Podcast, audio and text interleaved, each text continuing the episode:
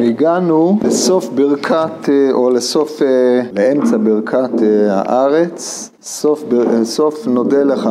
אנחנו מסיימים, ועל מזון שאתה זן ומפרנס אותנו תמיד, בכל יום, בכל עת ובכל שעה.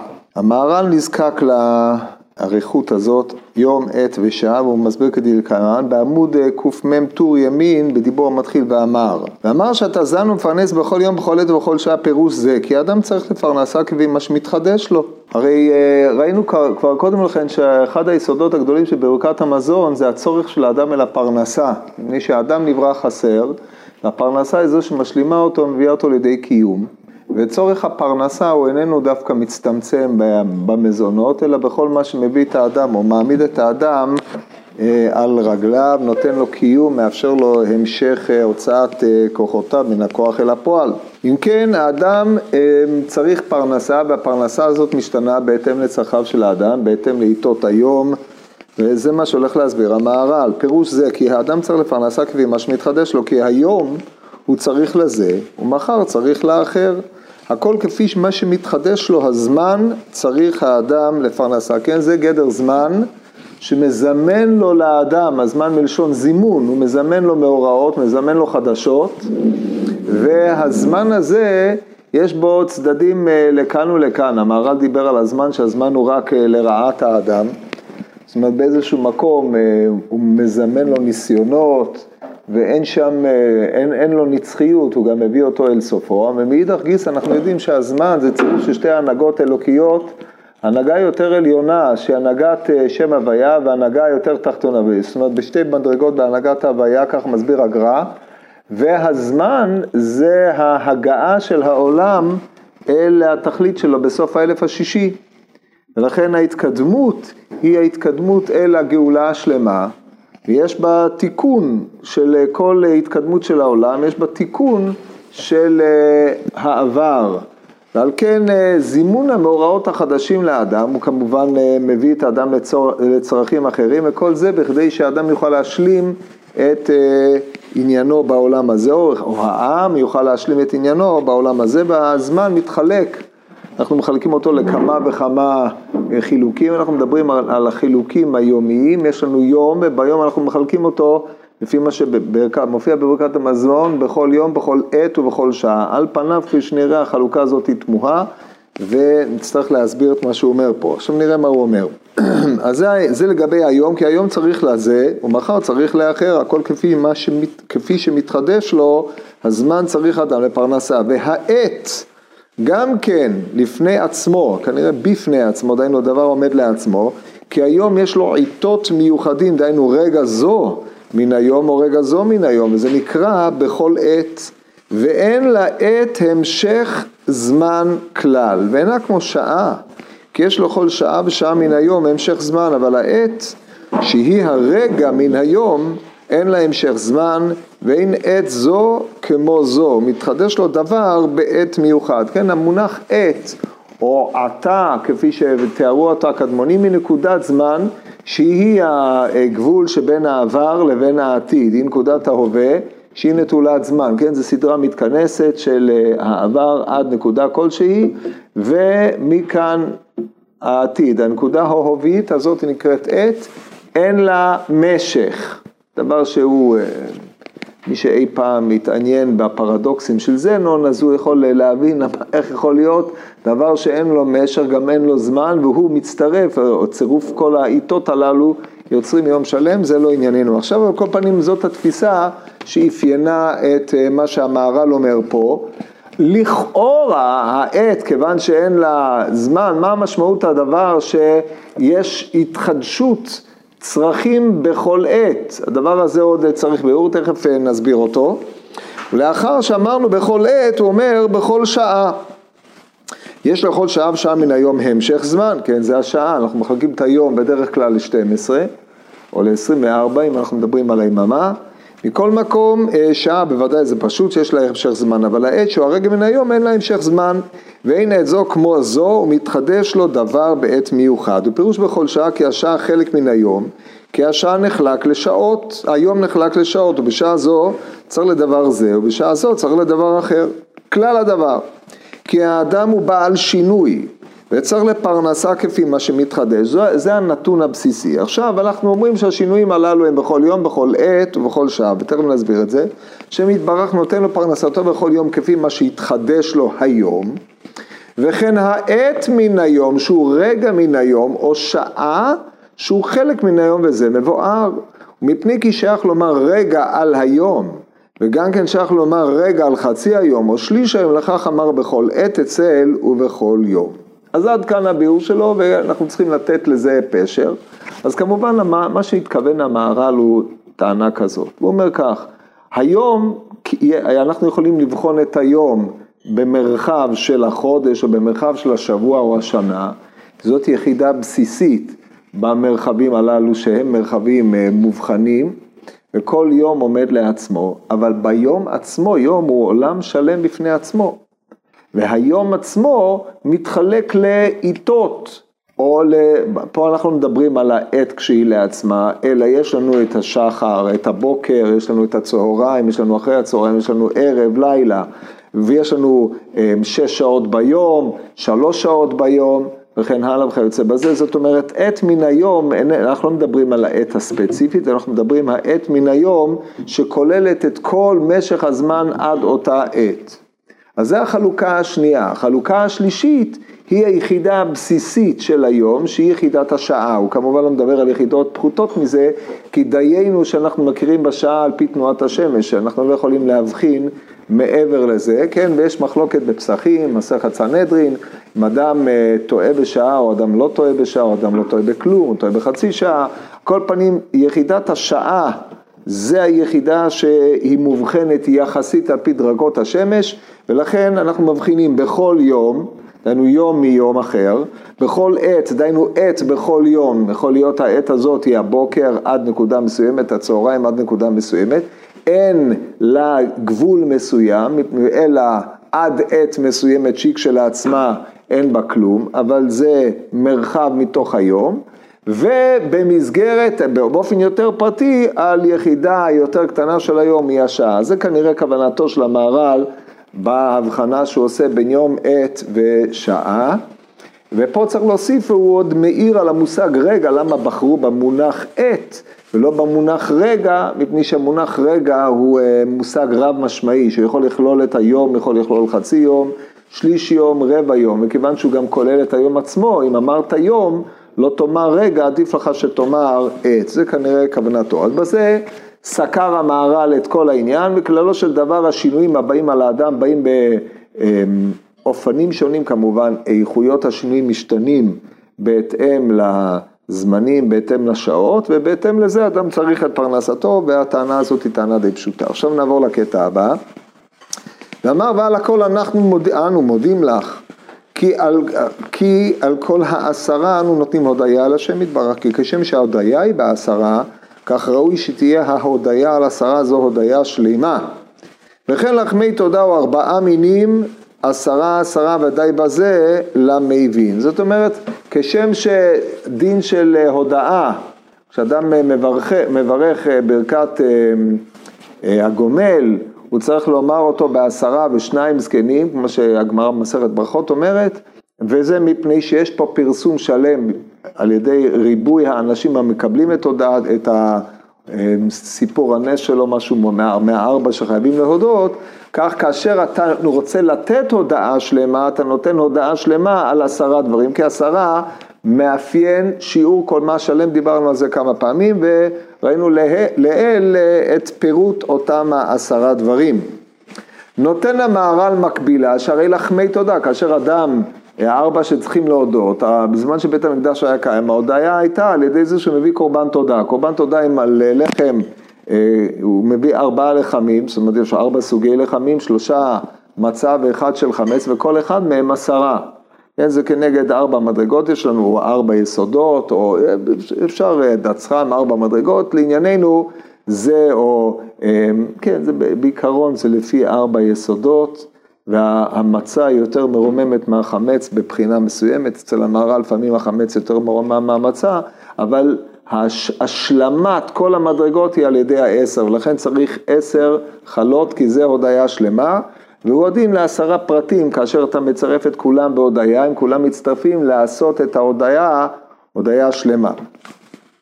זה עניינו של אה, מה שאנחנו מסיימים, ועל הכל אנו מודים, אנחנו מודים לך ומברכים אותך. פה יש לנו שני דברים, אנחנו מודים ומברכים. מה היחס בין שני הדברים האלה? אומר המהר"ל. כבר אמרנו כי ההודעה היא על דבר שאם לא היה השם יתברך נותן לו, לא היה לו קיום.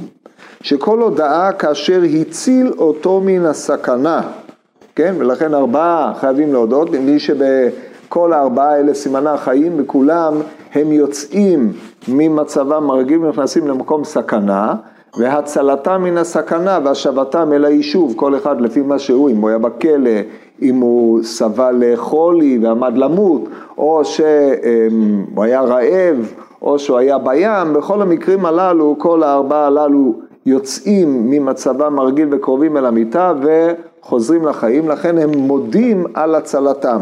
ולכן ההודעה בכללותה בברכת המזון היא על זה שהקדוש ברוך הוא נותן לנו קיום, וכבר ראינו את זה בברכה הראשונה בברכת הזן. ההודעה על הקיום היא מעין הצלת האדם, היא מעמידה את האדם על רגליו, נותנת לו אפשרות בסיסית לקיום. ולאחר שהאדם קיים אפשר להשפיע לו שפע טובה, זה בחינת הברכה, כי אתה לא מברך אלא דבר קיים. אתה לא יכול לברך דבר שהוא לא קיים. ולכן הסדר הוא מודים לך ומברכים אותך. אומר המהר"ל ומברכים ברכה היא על הטוב. השם יתברך נתן לאדם פרנסה, ואם לא נתן לו לא היה לו קיום, ולכך נותן השם יתברך הודעה על זה. ולא די שנתן לו קיום, רק אף השביע את נפשו עד שהוא שבע והוא בטוב, ועל זה שייך ברכה. זאת אומרת, ישנה פה שתי מדרגות. המדרגה הראשונה היא מדרגת הקיום הבסיסי, והמדרגה השנייה היא מדרגת השביעה, שהשם משפיע בעין טובה לאדם ונותן לו שובע הנפש, והשובע הזה הוא אה, מה ש...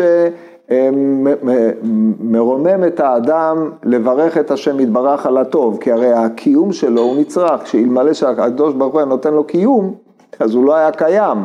וכיוון שעניינו של האדם הוא לברך, לא רק להודות אלא גם לברך את השם יתברך, או לתת לו אפשרות של התפתחות, ולא רק להשאיר אותו על מצב ההצלה מן המוות, לכן אה, כנגד השפע הזה שהקדוש ברוך הוא משפיע על האדם, הוא מברך. השפע הזה הוא כמובן עומד לו לאדם לניסיון, אם לדעת כיצד להשתמש בו.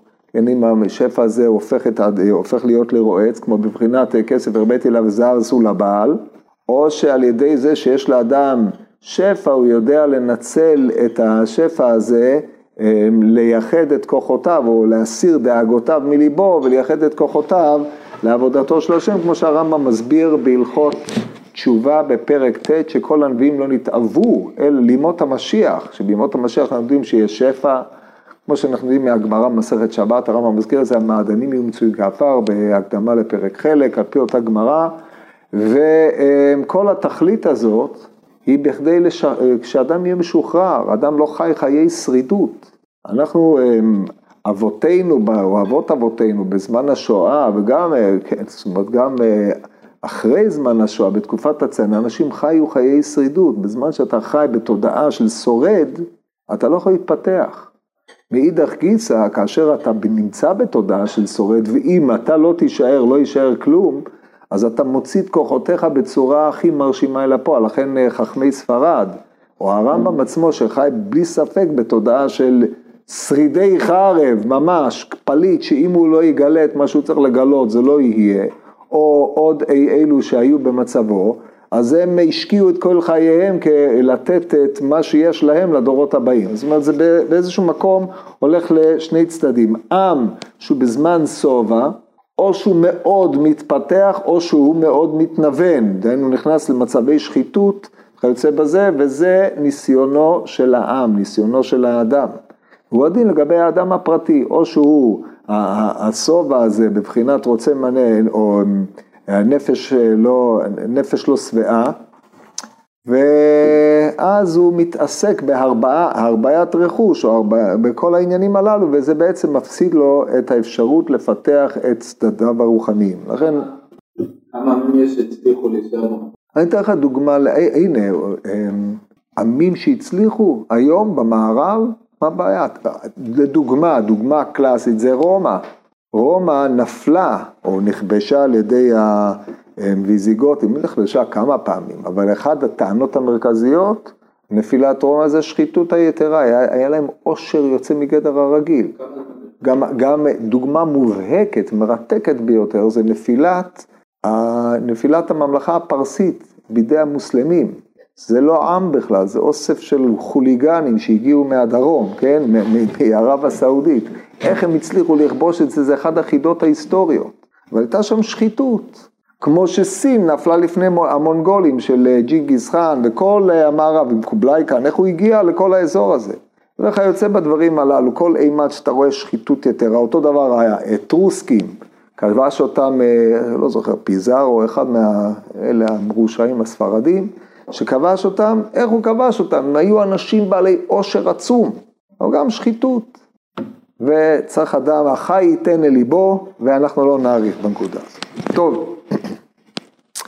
ובגמורה פרק שלושה שאכלו, תניא רבי אליעזר אומר כל שלא אמר ארץ חמדה טובה וחווה בברכת הארץ ומלכות בית דוד בבוני ירושלים יצא ידי, לא יצא ידי חובתו. נחום הזקן אומר צריך שיזכור בברית, דהיינו בברכת הארץ. פליימו אומר צריך שיקדים ברית לתורה, שזה ניתן בשלוש בריתות, דהיינו התורה ניתנה בשלוש בריתות, בהר סיני, באוהל מועד ובערבות מואב. ומילה ניתנה בי"ג בריתות כמניין מספר הבריתות שמופיעות בפרשת המילה בסוף פרשת לך לך. וצריך שיאמר הודאה, תחילה וסוף, כמו שאנחנו אומרים, ועל הכל אנחנו מודים לך, אחרי שפתחנו נודה לך השם אלוקינו. והפוחת לא יפחות מאחד, דהיינו מאחד משלושה הדברים הללו, דהיינו ברית, ארץ, ברית ותורה. וכל הפוחת מאחד, הרי זה מגונה, וכל החותם מנחיל ארצות בברכת הארץ. ומושיע את ישראל בבוני ירושלים, הרי זה בור. כן, הוא יסביר את זה בהמשך. וכל שאינו בר... אומר ברית ותורה בברכת הארץ ומלכות בית דוד בבוני ירושלים, לא יצא ידי חובתו. אומרת הגמור אמסייל אל רבי אלי, דאמר רבי אלי אמר רבי יעקב ברכה משום רבינו, דהיינו משום רב, כל שלא אמר ברית ותורה בברכת הארץ ומלכות בית דוד בבוני ירושלים, לא יצא ידי חובתו עד כאן. כבר ביארנו פירוש ארץ חמדה, טובה וחווה, ראינו שיש פה שלוש מדרגות, ראינו אותן בכמה וריאציות, כי אלו הגימל עיקר שבח הארץ. ומה שאמר שצריך שיזכור בברית ותורה, ומה עניין ברית ותורה לברכת הארץ? מה הצירוף הזה, שהוא צירוף מעכב לדעתו של רב, על הכל, ונודה לך השם אלוקינו על שהנחלת לאבותינו ארץ, ארץ חמדה טובה ורחבה, ועד שהוצאתנו מארץ מצרים ובדיתנו מבית עבדים. ואמרנו שהמהר"ל לא התייחס לפסקה הזאת. ועל תורתך שלימדתנו, לפי נוסח אשכנז כמובן, זה מה שאני רואה, על תורתך שלימדתנו ועל חוקיך שהודעתנו, לפני זה, ועל בריתך שחתמת בבשרנו ועל תורתך שלימדתנו. אצל הספרדים ברית, תורה, הם בלי כל האריכות, אבל הרעיון הוא שאנחנו מזכירים ברית ותורה בברכת הארץ, כי אנחנו חותמים ברוך אתה השם על הארץ ועל המזון. מה עניין ברית? ותורה אצל ארץ ומזון. לכאורה הם היו צריכים לחלוק לעצמם מדור בפני עצמם, ובוודאי ובוודאי לא בברכת המזון. אתה רוצה ברכת התורה, אתה מברך על התורה. אבל ברכת המזון, מה התורה מצאה למקום פה, והוא הדין לגבי הברית? זאת שאלתו. אומר המהר"ל יסוד שעולה מן הכתובים בבירור, ונראה, נסביר את זה תכף. אומר כבר ביארנו, אה, קראתי את זה, כי אלו השלושה גמי שבח. מה שאמר שצריך שיזכור בברית ותורה, מה עניין ברית ותורה לברכת הארץ? פירוש זה, כי כמו שהארץ היא קדושה נבדלת משאר ארצות, לכך, כן, אז מה, מה העניין? הארץ הזאת ארץ נבדלת משאר ארצות, ארץ אשר עיני השם אלוקיך בא תמיד מראשית השנה עד אחרית השנה. הארץ הזאת נבדלת בכמה וכמה מעלות, ארץ שהשם הוא המשגיח עליה בפרט. וסגולת ארץ הצבי, ודיברנו על זה בעבר, לכן ארץ ישראל איננה דומה בשום צד לשאר הארצות, למרות שבצד החומרי הגשמי יש הזדמנות מה, אבל מצד ההשגחה האלוקית שיש בארץ הזאת לא ראינו כמותו בשום ארץ, זה ממש, וזה הדבר הזה, דברים שהעדות היסטורית ברורה, מובהקת מורה על הדברים האלה. אז זה סגולתה של ארץ ישראל המיוחדת באשר היא ארץ בעלת סגולה נבדלת. אלוקית.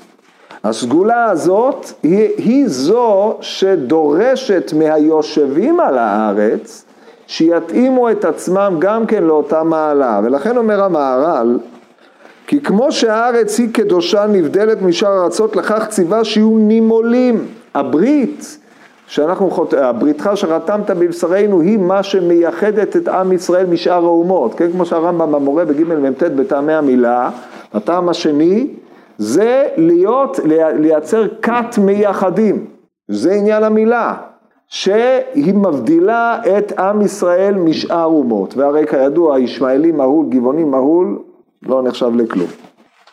והמהר"ל כנראה לא נקט כשיטת הרמב"ם שבני קטורה חייבים במילה, אשר על כן זה דבר מיוחד רק לעם ישראל, זה שחיכו אותנו הישמעאלים, כמו עוד הרבה דברים שחיכו אותנו, אבל אה, אין לו תורת מהול בכלל, הוא ערל לכל דבר ועניין עם כל המשמעויות. ולכן אומר המהר"ל, כי צריך לארץ אומה נבדלת משאר אומות, כמו שהארץ נבדלת משאר ארצות, ואין דבר שנבדלים בו ישראל לגמרי משאר אומות, רק המילה. והיא קדושה, מפני שהמילה, או קדושה, מפני שהמילה היא הסרת העורלה שהיא גנות וגנאי גשמי חומרי. לכן סילוק העורלה היא קדושה. לכן אנו אומרים אשר קידש ידיד מבטן. זאת נקודה ראשונה, המילה היא קדושה, קדושה, המערב פה משתמש במשמעות הבסיסית של הפרשה והבדלה, כי היא מבדילה את האדם מן הגנות הגשמית. אמרנו כמה פעמים על פי הגר"א, שהיסוד הגדול של ברית מילה היא זו שמאפשרת חיבור הרוחני לנפשי אצל האדם. ואדם לא מהול, הוא לא יכול להשיג את התורה, כי התורה נישגת לו רק כאשר נפתח הערוץ של הרוח שבאדם, שהוא מתחבר אל הנפש שבאדם ומתקן אותו. זה, הברית הזאת היא מה שמאפשרת את החיבור ביניהם, לשני חלקי אדם, הצד הבהמי שבו, דהיינו הצד הנפשי, בהמי לא במובן החומרי בלבד, אלא במובן הכללי של האדם מה שמפעיל את הגוף, עם צד הרוח שבו בחינת נשמת היא, אכן רוח היא באנוש, נשמת שדי תבינם, הברית בגימטריה תרי"ג במקוי זה תרי"ג, היא מאפשרת את חיבור תרי"ג הרוח עם הנפש. זה היסוד שאמר הגר"א, ובזה מוסר האדם מן הצד הגשמי, השקיעה בגשמי. ואז האדם על ידי הברית זה רק הכנה, כי הרי אחרי ככלות הכל יש הרבה אנשים שהם, מלו, שהם נימולים, אבל הם חוזרים ובבחינת מה שקרוי האדם הראשון מושך בור לטויה, הוא מחזיר את עצמו כאילו לא מהול וחוזר ושוקע בתוך אה, כל אה, הגשמיות והגנאי, אבל התורה הזאת, הברית הזאת מאפשרת לו לאדם להתעלות למעלה רוחנית והתיקון שלו הסופי הוא על ידי התורה. אם כן המילה היא תנאי הכרחי להסרת הגנאי והגנות וידוע שהעורלה היא הגנאי והשלמת האדם היא רק בהסרת העורלה, כמו שכתוב על אברהם, התהלך לפניי ואהיה תמים ואתנה בריתי ביני וביניך, מובא ברש"י שם עם שם אברהם שהיה חסר את אה, השלמת האיברים עד שנימול ואברהם עולה בגימטרי הרמ"ח, בזה תוקנו רמ"ח איבריו הרוחניים, שהם מפעילים את הרמ"ח הגשמי, והוא הדין לגבי כל אדם. זה הכנה לאותו תיקון של רמ"ח איברים, הכנה בלבד. ועוד צריך להזכיר התורה בברכת הארץ, וזה עוד יותר מעלה של קדושה, כי המילה קדושה והיא סילוק העולה שהוא גנות וגנאי גשמי, שימו לב למילה גנות, האדם הערל ומגונה, אחד התארים של הגוי זה הערלים, פלישתים הערלים, ככה הם נקראים, הרי וכי אם פלישתי, אתה לא יודע שהוא פלישתי, למה אתה מוסיף לו ערל? ערל זה כמו שאנחנו אומרים על הגויים שהם שקץ, כן, ככה מדברים עליהם בחוץ לארץ. ערל, פירושו של דבר שהוא אדם שהוא מגונה ואין לך מה להתקרב אליו, כמו שאתה אומר על אדם שהוא טמא, אתה אומר אדם שהוא ערל, והרי כל הפורש מן העורלה כפורש מן הקבר, כך אומרת הגמרא בפסחים בצדיק ב', שיטת רבי עקיבא, והיא היא מפני שהוא פורש מן הטומאה ומן הגנות. גם טומאה היא סוג של אה, גנות. מכל מקום, התורה היא איננה מטפלת בגנות, היא מטפלת בשיירי הגשמיות שיש בו באדם. היא קדושה הסרת גשמי לגמרי, מפני שמאפשרת לאדם להוציא את כוחותיו השכליים להידבק בהשם יתברך אל הפועל, ושניהם שייכים אל הארץ. איך? היינו סילוק גנות וגנאי הגשמי היא העורלה, ועוד על ידי זה התורה שהוא סילוק הגשמי לגמרי, כי כאשר יש להם הארץ שהיא נבדלת בקדושה מכל הארצות, זכו ועלו גם כן למילה שבה ישראל נבדלים מכל האומות מצד שאין בהם פחיתות העורלה שהיא גנות גשמי.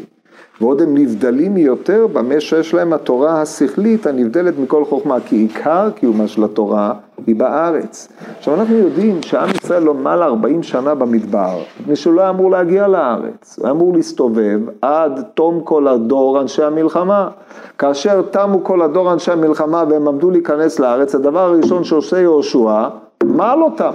רק אחרי המילה יכול היה להקריב את קורבן הפסח, כיוצא בדבר הזה, כאשר עם ישראל יוצא ממצרים, הוא יוצא ממצרים להגיע לארץ, הדבר הראשון שהוא עושה כדי לחזור לכרות ברית עם הקדוש ברוך הוא זה מילה. כי בלא מילה אין ברית. הברית, אחרי המילה היא ברית הפסח.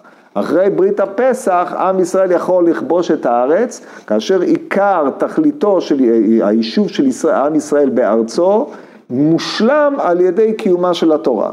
נמצא שהמעלה של הארץ היא, בזכות מילה ניתנה הארץ לאברהם, כמו שכתוב, היא תלך לפניי ואהיה תמים ואתנה בריתי ביני וביניך, ואז הוא מבטיח לו את הבטחת הזרע והבטחת הארץ, הדברים הללו קשורים זה בזה, וגם יהושע בפרק ה' מסביר מדוע עם ישראל לא מעל עד עכשיו, שהם לא, היו, אה, לא יועדו לארץ, אלא יועדו למות.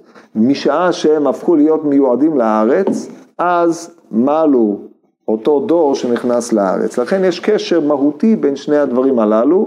הארץ שהיא קדושה, היא מבדילה את עם ישראל מן האומות, היא נקודת, ההת...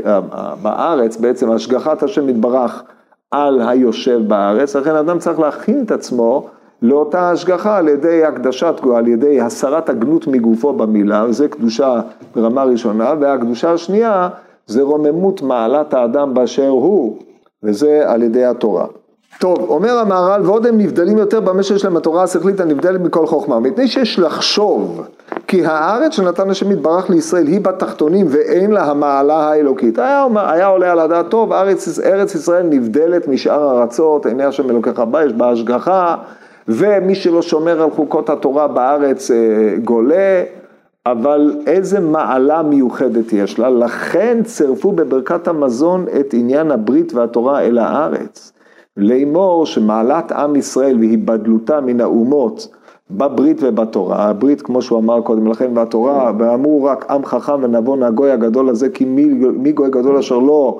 חוקים ומשפטים צדיקים ככל התורה הזאת אשר אנוכי נותן לפניכם היום, שזה הבדלת ישראל מן האומות, מדוע נקרא שמו הר סיני שירדה שנאה לאומות העולם, קיצור התורה היא זו שמבדילה אותנו מן האומות ההבדלה הזאת מן האומות מתאפשרת רק בזכות הארץ. אז לכן אומר, מפני שיש לחשוב כי הארץ שנתן השם מטבח לישראל בתחתונים ואין לה מעלה אלוהית, על זה אמר שצריך להזכיר בברכת הארץ ברית ותורה, כי בשביל הארץ זוכים ישראל אל שני דברים אלו, דהיינו המילה והתורה. ועל ידם ישראל נבדלים אלוהים לגמרי. לכן אמרתי לכם, הראיה מיהושע, הראיה נפלאה מאוד, שכשעם ישראל לא יועד להגיע לארצו, דהיינו דור המדבר שהיה אמור למות, לא מעלו. אמנם הגמור במסכת יבמות אומרת לא מעלו כי לא נשבה להם רוח צפונית, אבל היא גופה, למה לא נשבה? מה הסיבה? הזאת ממש. טוב, ועוד הם נבדלים, את זה קראתי, אה, כי בשביל הארץ זוכים ישראל לשני הדברים, דהיינו המילה והתורה, אבל ידם ישראל נבדלים אלוקים לגמרי. המילה בישראל נבדלים מן פחיתות הגשמי, שהיא העורלה, ובתורה יש להם המעלה הנבדלת לגמרי, כן, לזה הוא כותב בהרבה מאוד מקומות, וכל זה זכו בשביל הארץ, כי הארץ נבדלת משאר ארצות בקדושה. ובשביל זה כן עשר, עשר קדושות הן, כמובן ארץ ישראל קדושה מכל שאר הארצות, ובשביל זה קנו, זכו לקנות עוד מעלה, היא המילה, ועוד יותר על זה התורה, והכל מצד זכות ארץ ישראל. כי שם ראוי להיות התורה, כי אוויר עד ארץ ישראל מחכים. ולכן אמר, זאת אומרת, מה שאומר זה אוויר עד ארץ ישראל מחכים רק באוויר עד ארץ ישראל, אפשר להשיג את השגת התורה על אמיתתה.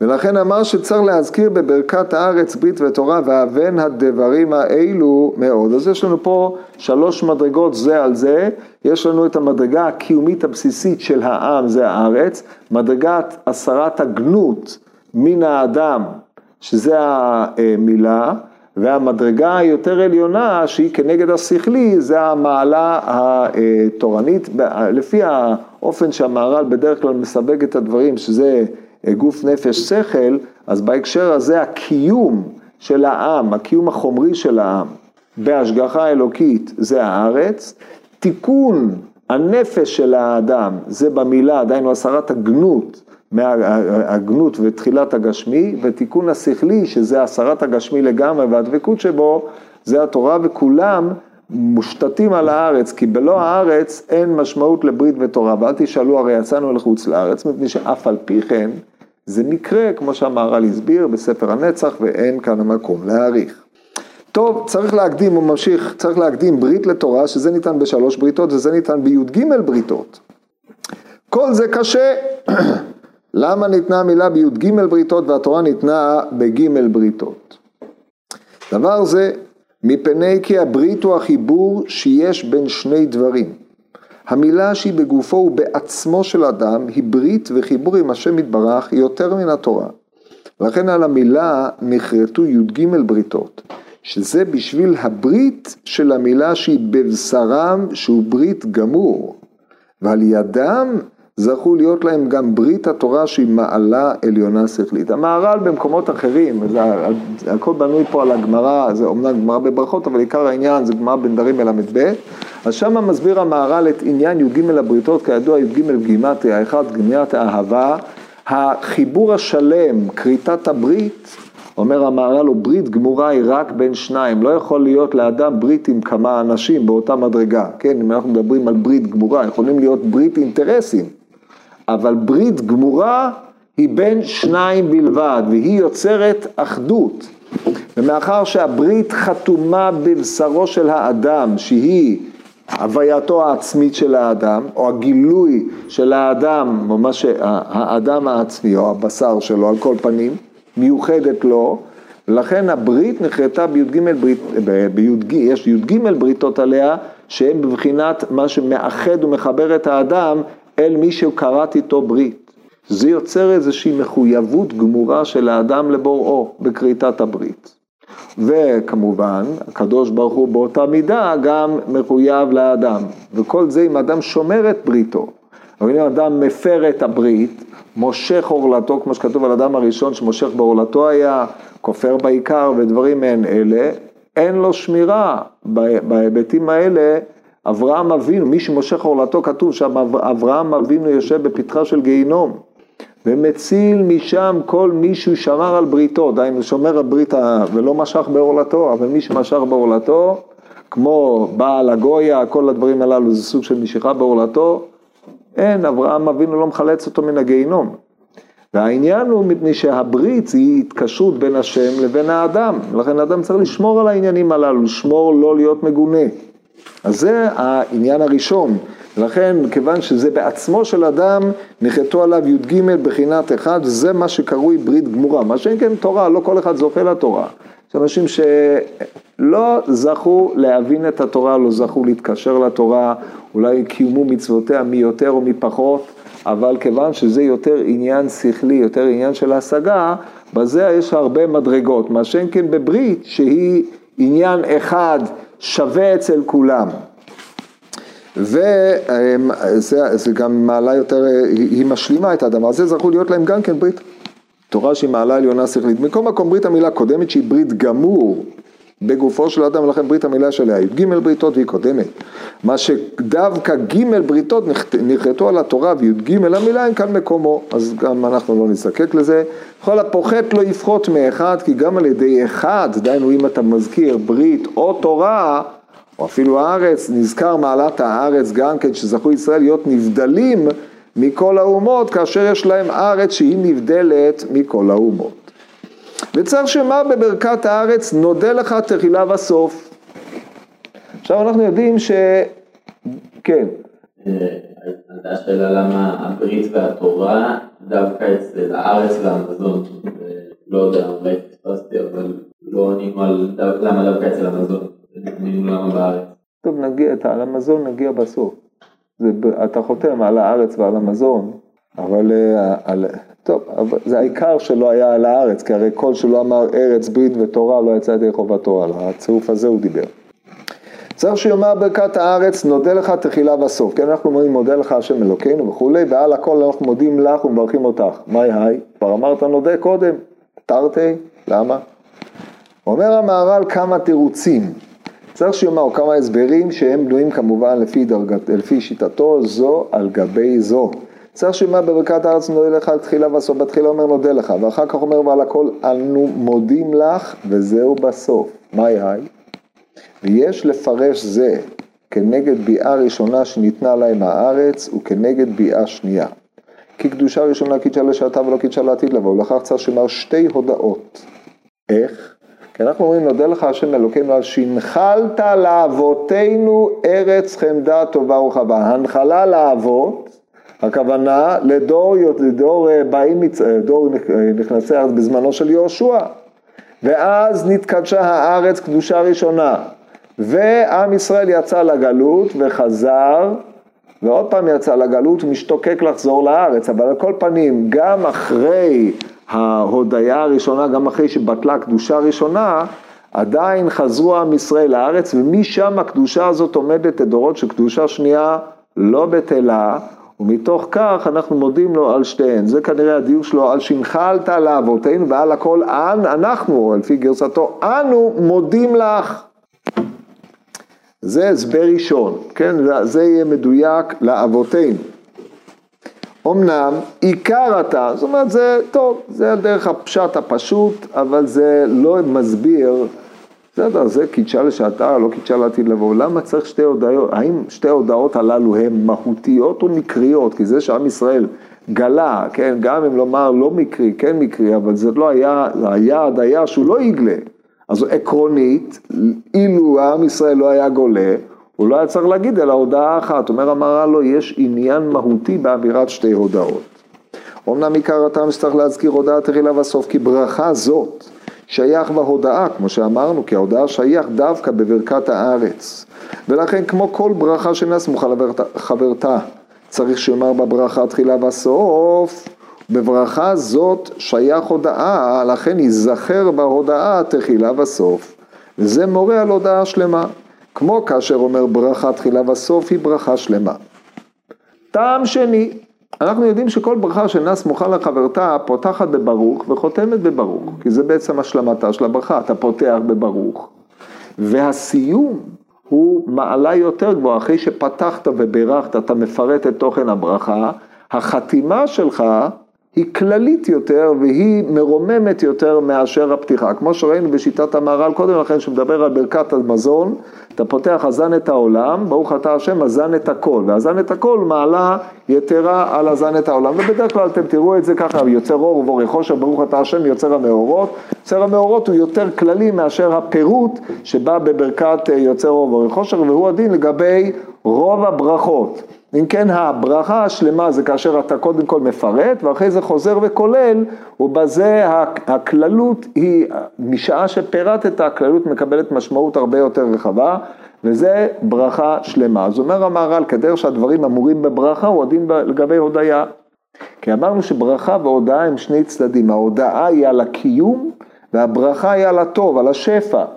וכדרך שבברכה, כשאתה מברך על השפע, אתה צריך לברך ברכה שלמה, כך כאשר אתה מודה על הקיום, אתה צריך לתת הודעה שלמה. הודעה שלמה כוללת פתיחה, שהיא פתיחה עם פירוט, ולאחר מכן הכללה. ולכן, על הכל אנחנו מודים לך. שזה כמובן, הכללה, זה בדיוק עובד באותה מתכונת. כן, אך, כי יש עוד דבר מופלג בחוכמה.